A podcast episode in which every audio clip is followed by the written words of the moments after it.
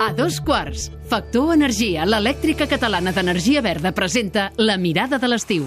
La punt diari de Joaquim Maria Puy, el viatge a una illa de fora de la Mediterrània. Bon dia, audiència. Avui fixem la mirada en les Highlands d'Escòcia, a l'illa de la Gran Bretanya. A l'illa més gran d'Europa hi ha tres nacions. Escòcia a la part de dalt, Anglaterra a la part de baix i Gal·les a la part inferior a l'esquerra. Tot i que Escòcia i Gal·les tenen idiomes propis, el gaèlic escocès, l'escots i el galès, l'anglès s'ha acabat imposant com a llengua habitual a tot el territori. Avui ens anem a les terres altes d'Escòcia.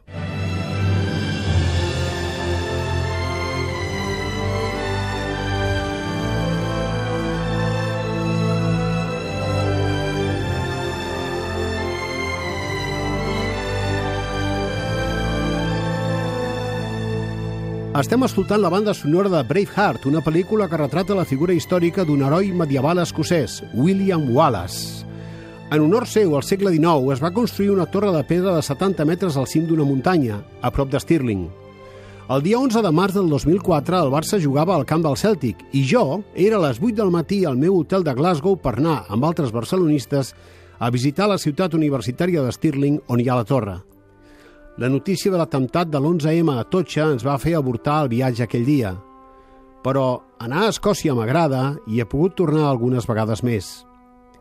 Per anar-hi acostumo a agafar un vol de baix cost a Preswick. Per aquell aeroport hi passa un tren que en tres quarts d'hora em deixa a l'estació central de Glasgow. Aquella estació m'encanta. Em sembla que algun dia m'hi trobaré al Harry Potter. M'agrada tant que tinc el costum d'allotjar-me a l'hotel que hi ha a la mateixa estació. Si l'endemà vaig passejar fins a Queen Street, trobaré llocs agradables per fer un cafè. I un cop allà podré agafar un tren que em portarà a Stirling i a les Highlands escoceses. El trajecte d'aquell tren també m'agrada molt. L'he fet a l'hivern i els paisatges nevats, vistos des de la comoditat del seient del vagó, són un regal per la mirada. Les estacions d'aquelles línies són, com tantes altres al Regne Unit, construccions sòlides, fetes amb materials que desafien el pas del temps. No hi falta el ferro colat. Són antigues, però no són velles. Si arribem a Inverness, serà difícil resistir la tentació d'anar al llac Ness. Sembla mentida com d'una cosa així n'han pogut fer una atracció turística que inclou des d'una volteta en barca i romàntiques passejades pel que queda del castell d'Urcat fins a projeccions audiovisuals i botigues de souvenirs. Però a Inverness hi ha més coses. i podem trobar des d'una llibreria insòlita dintre d'una església fins a petites illes al riu que dona nom a la ciutat. De fet, Inverness en gaèlic vol dir la boca del Ness, el riu que també dona nom al monstre inexistent. M'hi trobo bé en aquest territori, sense fer res de l'altre món, passejant, anant al mercat, voltant pel castell. Si menja bon peix, i encara que no t'agradi el whisky, val la pena fer alguna aproximació a l'escoig, ni que sigui un didal. Sec, és clar. Si a Glasgow haguéssim agafat també a Queen Street el tren que va a Oban, tindríem la possibilitat d'anar des d'allà en ferris fins a les Hèbrides. Jo ho he fet. I encara que si no és a l'estiu el temps pot ser desavinent, per mi el cel gris, el dia mig plujós, algun penya-segat amb ocellots que el sobrevolen, la humitat i una temperatura que t'obligui a anar abrigat, tot això forma part de l'imaginari que m'he fet d'Escòcia.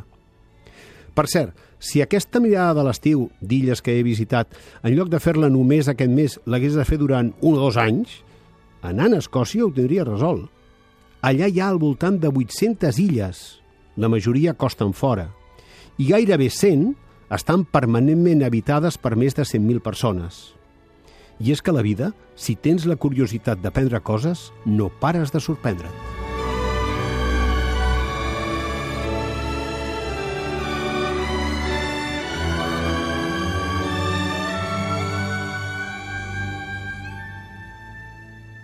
La mirada de l'estiu és una exclusiva de Factor Energia. En Manu, el Minimans, Manis pels amics, no, ha contractat la llum a Factor Energia i no, s'estalvia en 12,5%. Manu, contracteu tots la llum. A factorenergia.cat i no farem més anuncis. Per fi hi ha una altra llum. Factor Energia. Empresa col·laboradora amb la Barcelona Equestrian Challenge.